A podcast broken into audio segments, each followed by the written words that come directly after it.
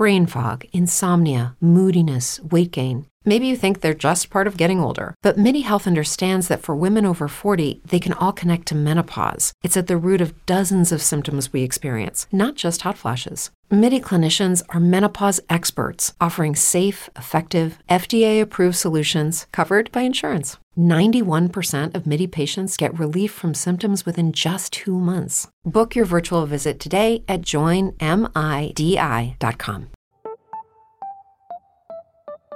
Du lytter til Top Kvinder. En podcast om og med de skarpeste karrierekvinder, som insisterer på at skabe et arbejdsliv på deres egen måde. Jeg vil vide, hvad de er rundet af, hvem der har puffet dem i hvilke retninger, og hvad der hver dag driver Goddag. Hej. Jeg er lidt for tidlig. I denne første programrække er jeg taget på opdagelse ind i et fremmed land for mig. Jeg har mødt dem, der udøver en mere subtil magt bag tæppet. Dem, der taler vores sag. Dem, vi lukker ind i de mest indflydelsesrige bestyrelser. Og dem, vi har dyb tillid til, redder vores røv og løser virksomheds- og samfundsproblemer, når det hele brænder på. Advokaterne. Problemet er bare, at tallene er de samme, som vi altid hører. Selvom 65% af de studerende på jurastudiet er kvinder, halvdelen af de advokatfuldmægtige er kvinder, så er det altså kun ca. 15%, der ender som partner. Så, hvordan gør de det, de kvindelige advokater, som lykkes med at forme det fagligt udviklende karriereliv, de drømmer om, måske endda sidde med ved det store runde bord som partner, men som samtidig insisterer på at have et privatliv, der giver mening for dem? Det undersøger jeg i Topkvinder Advokaterne. Mit navn er Sofie Bæk. Velkommen til. Hej så. Øh, jeg har en aftale med Pernille. Nu skal vi møde Pernille Bigård, 65 år, og det man vil kalde en rigtig powerkvinde. Pernille er indehaver i Plesner, og det har hun været siden 89, hvor hun var ansat i Bondo Svane, der var en del af Plesner-koncernen. Privat er Pernille gift med Stig, som også er advokat, nu pensioneret. Sammen har de to voksne drenge, så hun er farmor til to børnebørn. Og når hun ikke arbejder, kan man finde hende til hest. Hun rider nemlig dressur og har gjort det i mange år. Pernille, dine strømper har Jeg ved det godt. Hvad er det for Og jeg noget? har, jeg fandt opdaget det lige da jeg tog hjemmefra, og jeg skal til sådan Og det er noget så fedt, man ved det hele dagen. businesskvinder ude, på, ude hos Deloitte i aften. Ja. ja. Så jeg har i min taske, men Ja. jeg har ikke noget at komme ud. Pernille er i visse kredse kendt som konkursdronningen. Til det svarer hun, at hun også kan være ret skrab. Men for det meste er det lettere for tingene til at glide med et smil på læben. Hvornår har du sidste gang tænkt over, at du er kvinde? Altså, det tænker jeg da tit over. Jeg tænker ikke over det som noget problem overhovedet. Øh, men jeg tænker der over i virkeligheden, at det jo... For det første synes jeg, det er sjovt at være kvinde. Øh, øh, det er sjovt at kunne gå ud og købe noget langt mere varieret tøj, øh, end mændene kan. Øh, det kan være, at de bliver bedre til det med årene, men foreløbig har der udviklingen ikke været så stor. Øh, det synes jeg er sjovere. Jeg synes, det er, jeg synes, det er sjovere i en forsamling øh, at tage ordet øh, og få gjort opmærksom på, at man altså er der, og man er kvinde. Og det er jo ligegyldigt, om du er kvinde eller ikke kvinde i en forsamling og har et budskab, men man skal bare sørge for at tage sig sammen og rejse sig op og komme med det budskab. Mm. Så jeg har, ikke, jeg, har ikke, jeg har ikke på noget tidspunkt opfattet det som noget problem. Slet ikke. Men er det noget, du sådan er bevidst om i din hverdag, eller tænker du ikke sådan rigtig over? Nej, jeg tænker ikke over det. Samtidig burde jeg tænke lidt mere over at blive ret og sådan noget. Mm. Øh, men det gør Eller jeg skifte altså strømpebukser? Ja, men det tænker jeg altså heller ikke rigtig over det. Jeg, jeg har et par, der ikke er løbet i tasken. men det er ikke noget, jeg går og spekulerer over. Og ja, det er det ikke. Du har jo to børn, så. Ja. du har jo været, øh, i hvert fald mens du har født fra, gået ud fra. Ja. Øh, men, men så har der jo også været nogle år efter, hvor de var små. Hvad mindes du fra den periode af, af ting, man ligesom kunne gøre for at få det til at hænge sammen? Jamen, altså i virkeligheden er det jo... Vi har altid været heldige, min mand og jeg, at, øh, at øh, min mands mor boede i nærheden, boede i Søborg, mine forældre boede i Ballerup, øh, og begge bedsteforældre, øh, eller alle tre bedsteforældre, var meget søde til at hjælpe og hente, og det er derfor, vi har ordningen nu med Karl, han bliver hentet fast en gang om ugen. Øh, mine forældre hentede hver tirsdag, og farmor hentede hver torsdag. Øh, så vi vidste, at der var to dage i ugen, hvor vi kunne arbejde igennem. Øh, øh, vi behøvede heller ikke spekulere på mad eller noget. Der var også noget, når vi kom for at hente dem, så var der også en portion til os og sådan nogle ting. Og det var rart at vide, at der var den ekstra tid at give af øh, to gange om ugen. Nu er jo et ret stort advokatkontor, så jeg tænker, der er også mange unge, øh, der søger herhen og kigger på, hvad I laver, og synes, det er rigtig spændende. Ja. Øh, hvad tænker du om nogle af de unge kvinder, der kommer ind? Øh, hvordan hjælper du dem ligesom med at finde deres plads? Altså, jeg tænker, vi er jo delt op i afdelinger, så vores afdeling får nogle af dem, og de andre har så nogle andre. Øhm, og der kommer rigtig mange ind, der kommer rigtig mange unge kvinder ind, øh, og det er dejligt. Øh, jeg synes på den anden side set også, at det er ærgerligt, at så mange holder op igen. Mm. Øh, fordi det gør de desværre. Øh, en, en række af dem bliver der og får deres bestilling, øh, og søger så over i, i andre erhverv, eller tager nogle år hjemme på grund af børn og alt det der. Øh, og jeg synes, det er, jeg synes, det er ærgerligt, at så få bliver hængende og gør lige den ekstra indsats, der skal til for at blive partner eller indehaver øh, i et hus som vores. For jeg tror, at, at forskellen er god. Øh, alle steder er det godt at få både mandlige og kvindelige synspunkter. Ikke fordi jeg tror, at vores synspunkter ligger langt fra hinanden. Men samtidig kan man godt lige få en tanke, øh, som de andre ikke har haft. Øh, og så gælder det som sagt om at få den frem. Mm. Så jeg tror, det er en god idé, øh, og ville gerne have, at der var flere øh, unge kvinder, der blev. Har du spurgt nogen af dem om, hvorfor de stoppede? Altså, jeg har jo igennem årene spurgt ind til en del af dem, hvorfor de stoppede. Og mange hører vi bemærkningen, ja, men vi tager lige, nu helliger vi os min mands karriere, øh, og jeg tager lige nogle år, hvor jeg enten går på deltid, eller er derhjemme, og så kommer jeg tilbage igen. Øh, de kommer bare ikke, der er ikke så mange af dem, der kommer tilbage til advokatgærningen, desværre. Så kan man sige, at det er fordi, vi arbejder for meget. Øh, jeg tror også, man arbejder meget mange andre steder. Øh, så jeg tror ikke, det er noget, der er særligt for os. Øh, jeg tror, at det er meget forskelligt, hvad der er for sager, du beskæftiger dig med. Om det er så øh, intensivt i nogle perioder, øh, som det er i vores afdeling med insolvensretten. Fordi det er meget, det er meget intensivt, og du skal, og det er mange timer, men det er også meget sjovt. Øh, så er der andre øh, afdelinger i huset, hvor det er nemmere at planlægge øh, sin tid, og planlægge, hvad det er, man skal gøre. Men selvfølgelig kommer der en stor sag ind til dig, og klienten står og vil have dig til at være der nu, så skal du være der nu. Mm.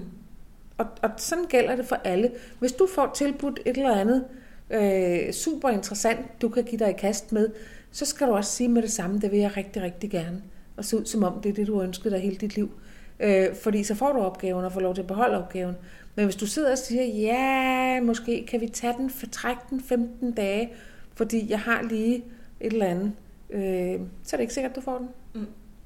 Hvad tror du ellers kan være en hemsko for, øh, for nogle af de kvinder? Jeg tænker, øh, noget af det, vi kender meget, det er den her med perfektionismen for eksempel, at man sidder og går i detaljen med ting øh, i lidt for lang tid i forhold til, hvad der egentlig har værdi, eller øh, angst omkring at præsentere øh, til et møde, eller hvad det kan være. Hvad oplever du, nogle af de unge kvinder, de døjer lidt med? Jeg, jeg ved ikke, om det er alene kvinderne, fordi det er også nogle af de unge mænd. Øh, perfektionismen øh, er i højsædet. Øh, og øh, og øh, ting, det, de ting, vi laver, skal også være rigtige. Men du bliver nødt til på et tidspunkt at have modet til at sige, nu tror jeg, jeg er færdig, og jeg har truffet den her beslutning, og den tror jeg selv på. Og så gå ind og præsentere den for din chef. Der er ikke noget værre, end at have nogle unge mennesker til at arbejde for dig, som kommer ind og siger, jeg tror et eller andet. Øh, og så ved man, at de har ikke undersøgt det. De kommer bare og fortæller dig et eller andet lige løst. Og det er ikke, altså, jeg, jeg kan sagtens fortælle, eller jeg kan sagtens sige den slags, jeg tror et eller andet selv. Det kan jeg godt finde på, men det er ikke det, jeg vil have fra deres hånd. Jeg vil have noget gennemarbejdet, hvor de er kommet frem til, at jeg tror nu, det er det rigtige, det jeg har skrevet i det her notat, og at konklusionen skal være sådan. Øh, det er det bedste. Så kan det være, at den er forkert, det kan være, at den skal drejes lidt, det kan være alt muligt, men det kan man så tage en god diskussion om bagefter. Men de skal lige have modet til at sige, nu mener jeg, at jeg har undersøgt nok. Mm. Og det tror jeg, at nogen kan have lidt svært ved. Jeg skal jo selvfølgelig lige finde ud af, hvor det kommer fra, det her. Fordi øh, jeg tænker, det ikke er opstået ud af det blå, at du gerne vil være advokat. Det er det sådan set. Øh, øh, der er ingen advokater i min familie, øh, så jeg havde ikke nogen idé om, hvad det var. Øh, min mor synes jeg skulle være tandlæge. Det gad jeg i hvert fald ikke. Og øh, på et tidspunkt, så nærmede fristen sig for at søge. Og så tænkte jeg, nå, det der jura, så kan man jo så prøve det. Hvorfor lige jura? Ja, et eller andet skulle jeg finde på. Det var ikke drevet af noget som helst dybere på nogen måde. Slet ikke. Hvad lavede dine forældre? Min far han lejede biler ud, og min mor hjalp med i forretningen. Så det gav ingen associationer til noget som helst. Det var helt tilfældigt. Men så kunne det måske også have været, øh, at du læste til læge, eller øh, altså hvorfor lige jurist? Jamen på en eller anden måde, ja, synes jeg, at det kunne, måske var det interessant. Mm. Jeg vidste ikke noget om det, så måske var det interessant. Synes du, det er interessant? Ja, ja på studiet synes jeg ikke, det var, så, det var ikke rasende interessant på studiet, vil jeg sige. Øh, nogle fag var sjove, andre var det slet ikke. Øh, men, øh, men det var jo en pakke, man havde taget, og så måtte man bare igennem det. Mm. Øh, til gengæld synes jeg bagefter, det har været rigtig sjovt. Øh, jeg kom helt ved et tilfælde øh, til at arbejde på et kontor, der beskæftigede sig med insolvensret. Mm. Øh, så det har jeg faktisk gjort siden 1977. Da jeg havde været det der i tre år, og lige havde fået min advokatbestilling, så blev jeg ringet op af øh, en, der hed Peter Fris, øh, som var dengang øh, spidsen hos det nuværende Kromand, øh, Krum, Dragsted Kromand Nørgaard Friis hed det. Han ringede til mig og spurgte, om jeg kunne tænke mig at komme derover. Og jeg blev helt befippet. Jeg blev rød i hovedet, og jeg rejste mig op inde på mit lille baggårdskontor og det hele. Og var jo pavestolt. Og kom derover og var der i fra 80 til 86. Øh, så var jeg et år hos øh, Fitterspil. Øh, lige nøjagtigt et år. Og så kom jeg til Bondusvane, og så har jeg så været her lige siden.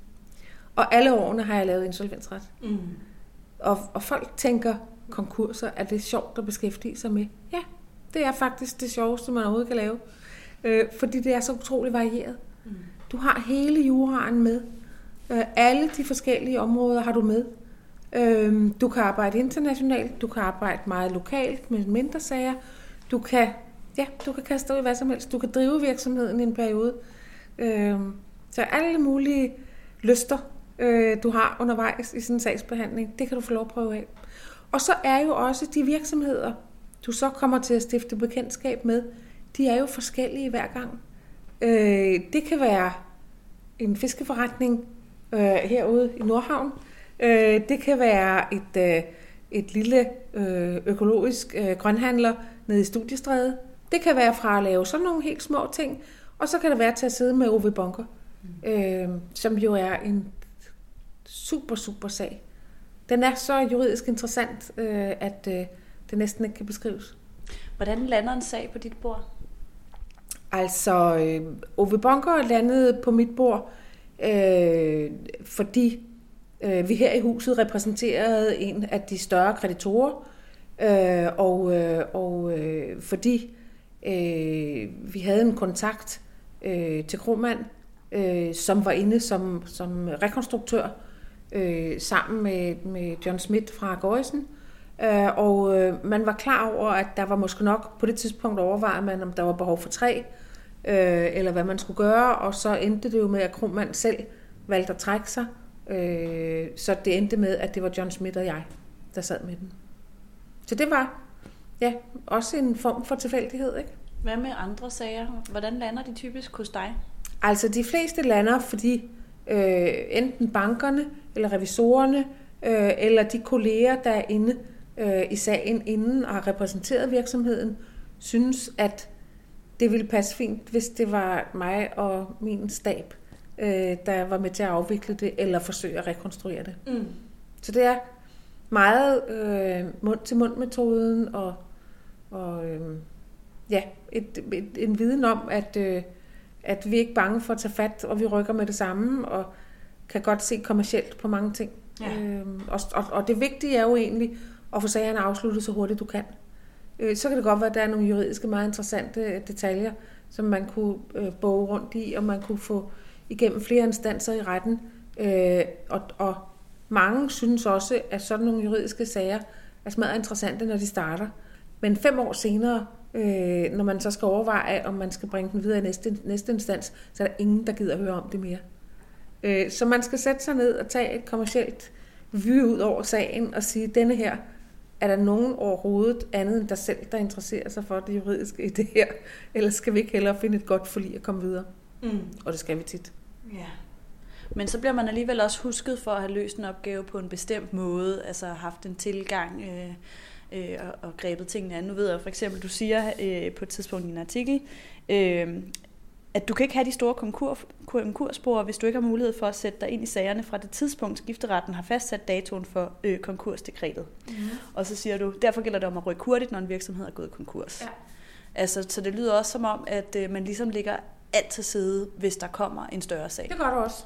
Alt andet bliver simpelthen lagt til side. Mm. Fordi du ved ikke, hvad det er, du går ind i i en stor sag. Og der er så mange komplekse forhold, du bliver nødt til at forholde dig til. Og du skal forholde dig til det hurtigt. Øh, det kan ikke nytte noget, at du skal ned og finde hver enkelt lille bitte detalje omkring det. Det er der simpelthen ikke tid til. Mm. Og så når skaderne at ske omkring dig, hvis ikke du kan tage en hurtig beslutning. Det der med at få indflydelse på øh, noget og få, få lov til at være med til at gøre en forskel for et område. Altså jeg hører sådan en meget stor passion, hver gang du taler om noget, så virker du, uanset hvad det er, om det er heste ja, eller børn. Eller, ja. ja. Hvor, tror, hvor tror du den der sådan meget store drive, det kommer fra? Det er jo ikke alle, der lige øh, kan finde Nej. det fra. Det ved jeg ikke. Det kan jeg ikke svare på. Øhm, øhm, jeg, jeg synes bare, at, at den tilfredsstillelse, der ligger i, at du gør noget, og at du kan se, der er en mulighed for, at du kan gøre en forskel ved det her, ikke? Mm. Øh, så er det rigtig, rigtig sjovt at være med til. Mm. Så det, der er vigtigt, det er at komme ud og opleve nogle ting. Gå til nogle anderledes teaterforestillinger. Tage op på Mongo Park og se, hvad de har fundet på at lave af den ene eller den anden slags. Øh, gå ud og hør noget jazz et eller andet sted, eller Andrea Bocelli, eller gå ud og opleve noget, som du kunne huske, så du ved, hvis du ser tilbage, hvad lavede jeg egentlig i forrige uge? Så har du lavet noget, du ikke bare taget hjem og faldet i søvn i sofaen. Men bliver du ikke nogle gange forpustet, fordi du øh, rider, og du har børnebørn, og du har et arbejde, hvor du ligger mange timer, og du så også kan høre kulturelt interesseret? Nej, men til gengæld sover jeg gennem mange film. Altså, men så kan jeg se dem flere gange, det gør ikke noget. Så jeg kan godt ligge og sove til en eller anden engelsk film. En eller anden engelsk krimi, der kan man godt sove. Og så kan jeg se den fire gange, for til sidst har jeg set det hele. Mm. Det var glimrende. Mm. Så du har aldrig sådan følt, at det blev for overvældende i perioder? Så kan jeg jo bare give lidt ned. Mm. Ikke? Men, men tit er der jo så bare lige en opgave, der skal løses. Ikke?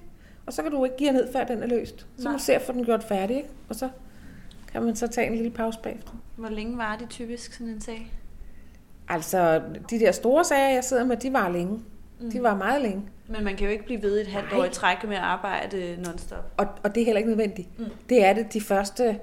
Altså, hvis det er bare sådan en almindelig mellemstor sag, så er den første uge, det kører på fuld kraft. Okay. Øh, men, men bunkersagen kørte jo det første halve år på fuld kraft, ikke? Ja. Så sådan er der kæmpe forskel, og mange af de små sager, vi sidder med, altså der er du på fuld kraft halvanden time eller et eller andet, indtil du finder ud af alt, hvad du kan omkring det.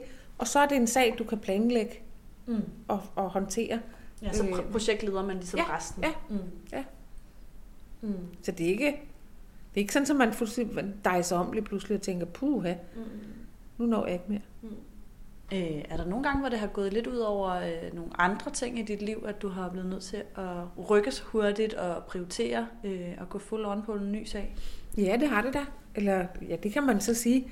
Øh, da krisen startede i 8, øh, skulle jeg på tre måneders overlov. Øh, og øh, jeg sad til møde ude i det daværende Forstedernes Bank øh, om fredagen, fredag eftermiddag, hvor overloven skulle starte. Øh, og øh, og øh, så ringer telefonen, øh, og så er det øh, en meddelelse til banken om, at det, der hed Sandgården, et af de første store, der faldt under krisen, havde stanset betalingerne. Og øh, de kiggede på mig fra banken, og jeg kiggede tilbage på dem og tænkte ind i hovedet, hvad gør vi nu her?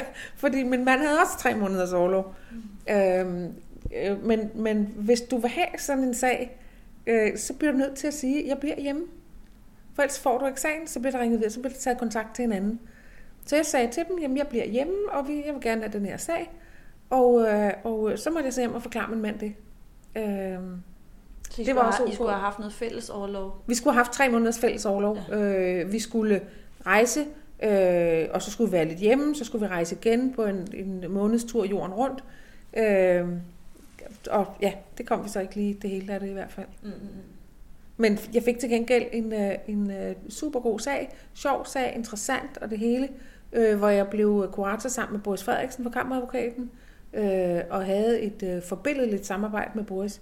Mm. Øh, og det var, det var den første, der faldt under krisen. Øhm, så det gælder om at være med, hvis, øh, hvis det er det, man gerne vil.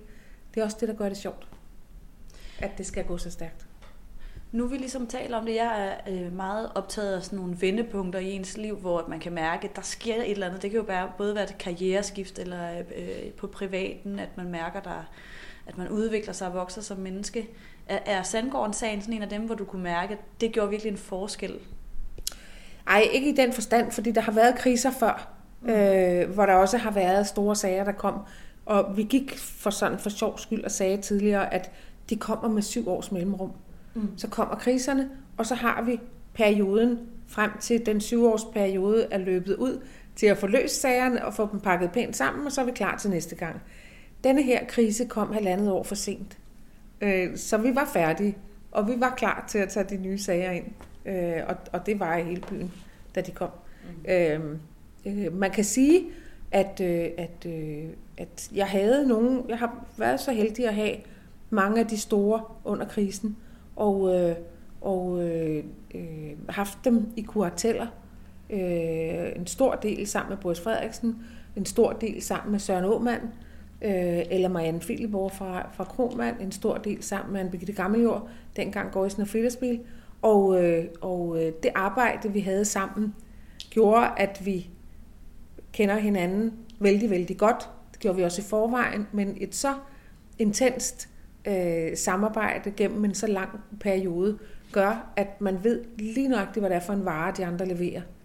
Øh, og kan stole på en fordeling af sagerne. Man ved, de andre kommer med deres og leverer deres, og vil også selv gøre det. Så du får et langt bedre, hvad skal man sige, samspil i løsningen af opgaven, øh, når det er nogen, du kender, og ved, hvordan de agerer. Har det haft indflydelse på øh, sådan din karriere i det hele taget? Nej, mm. Nej. Hvad tror du har haft indflydelse på, på hvordan du har bevæget dig? Jeg tror, altså der er meget tilfældighed i det, ikke? Og der er også meget held i det. At man er til stede på det rigtige tidspunkt. Øh, og det er jo ikke noget, man kan planlægge. Hvornår sker der nogle ting? Hvornår falder der en, en stor sag ned på ens bord? Øh, det, det kan du ikke sige på forhånd. Men du kan i hvert fald sørge for, at hvis der er den mindste tegn på, at det nærmer sig, at du så er klar. Mm. Hvad betyder det at være klar?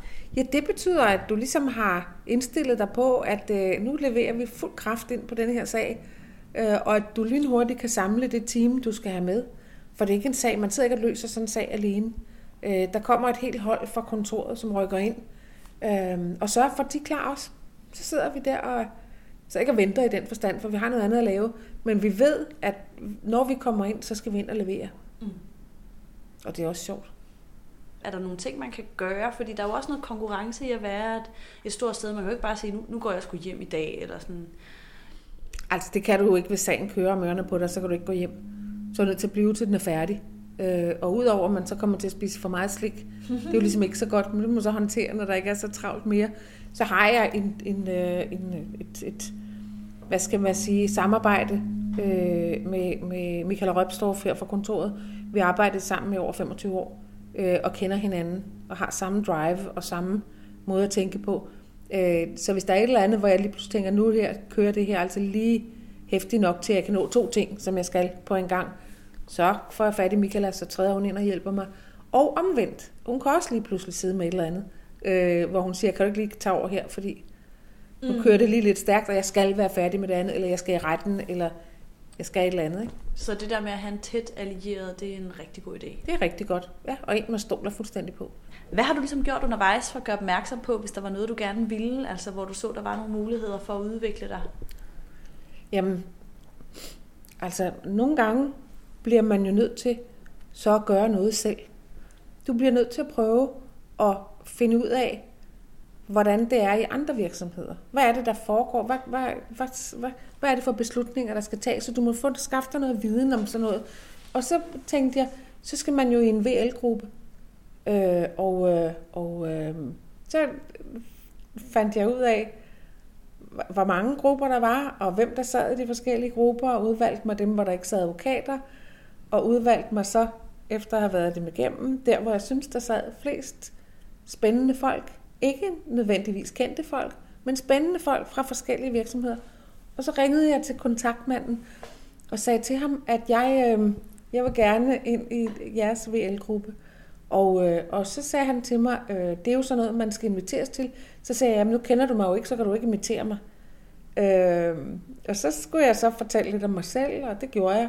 Men der gik tre dage, så ringede han tilbage og sagde, at du må gerne komme med. Fordi det, jeg har måske oversolgt mig selv lidt. Det var alt for Top Kvinder for i dag. Tak fordi du lyttede med på serien om advokaterne. Hvis du kunne lide, hvad du har hørt, så skynd dig ind og like vores Facebook-side Top Kvinder og giv den de stjerner, den fortjener i din podcast-app, så vi kan få luft under vingerne og nå ud til mange flere med de vigtige budskaber fra kloge karrierekvinder. Top Kvinder er produceret Top Bananas. Jeg har været din vært. Jeg hedder Sofie Bæk. With the Lucky Land slots, you can get lucky just about anywhere. This is your captain speaking. Uh, we've got clear runway and the weather's fine, but we're just going to circle up here a while and uh, get lucky. No, no, nothing like that. It's just these cash prizes add up quick. So I suggest you sit back, keep your tray table upright, and start getting lucky. Play for free at LuckyLandSlots.com. Are you feeling lucky? No purchase necessary. Void where prohibited by law. 18 plus terms and conditions apply. See website for details.